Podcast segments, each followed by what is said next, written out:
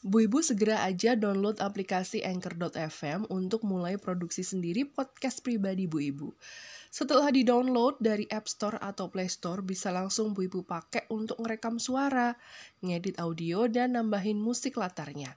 Lalu Bu Ibu bisa langsung publish dan otomatis terpublish di Spotify dan beberapa platform lainnya. Asik kan? Gratis lagi 100%. Buruan Bu, download sekarang juga aplikasi Anchor.fm dan bikin podcastmu sendiri.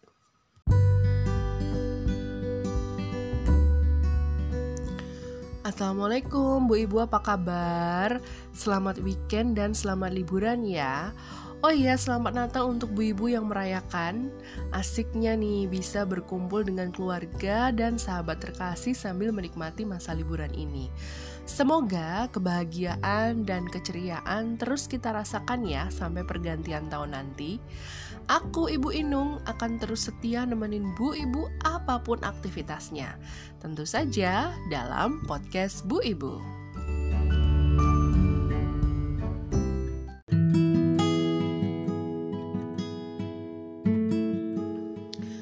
Liburan kali ini mudah-mudahan jadi berkesan ya Bu Ibu. Jangan sampai liburan rusak karena ulah beberapa oknum yang nggak bertanggung jawab. Loh, emang oknum apa?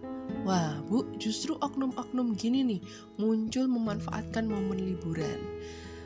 Wait a minute, oknum apa ya Bu? Hmm, Bu, ada tiga arti kata oknum dalam Kamus Besar Bahasa Indonesia. Arti ketiganya adalah orang dengan arti kurang baik. Adalah seseorang yang berada pada suatu organisasi besar tetapi melakukan suatu perbuatan yang melanggar nilai organisasi tersebut. Nah, oknum ini nih digunakan sebagai orang yang keluar atau melanggar gitu. Jadi itu bagian dari suatu organisasi besar tapi dia itu melakukan suatu perbuatan yang gak sesuai dengan nilai organisasi gitu penggunaan kata oknum yang saat ini dianggap sebagai bentuk untuk menutupi sebuah kesalahan yang dilakukan oleh anggota institusi pemerintah secara umum hanya muncul pada kegiatan negatif yang dilakukan seseorang. Polisi memalak warga misalnya atau tukang parkir dalam sebuah paguyuban yang menaikkan tarif semaunya sendiri misalnya. Atau pegawai pajak yang berperan dalam suap penyuap misalnya. Atau birokrat yang bermain proyek misalnya.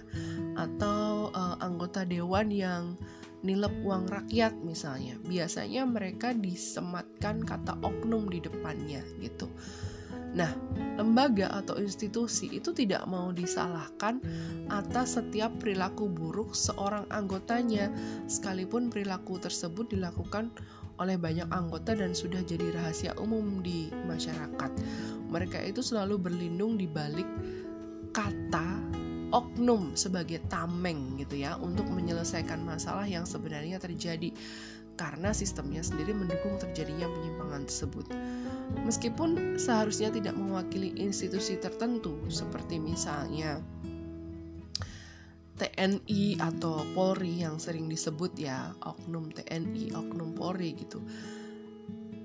Sangat jarang ditemui juga kata-kata itu digunakan untuk menyebut eh, pelaku-pelaku kejahatan di luar dua institusi itu gitu. Misalnya kita jarang banget ya ada istilah yang menyebutkan oknum nelayan gitu atau oknum buruh atau oknum pedagang, oknum seniman, oknum mahasiswa, oknum pragawati gitu, oknum dokter, oknum pengacara.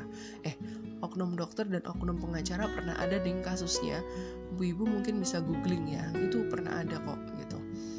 Nah, kalau oknum perempuan, apakah ada? Mungkin Bu Ibu bertanya gitu ya.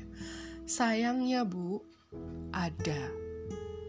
Ingat beberapa kasus beberapa bulan lalu yang melibatkan oknum polwan, polisi wanita, dan juga oknum guru perempuan. Nah, ada bu kasusnya. Sangat disayangkan ya bu ibu ya, ternyata ada oknum perempuan gitu. Untuk lebih lengkapnya bu ibu silakan googling sendiri ya tentang hal ini ya. Terus maksud Bu Inung tadi oknum di masa liburan ini gimana? Iya Bu, jadi biasanya muncul oknum-oknum di tempat-tempat wisata selama liburan ini.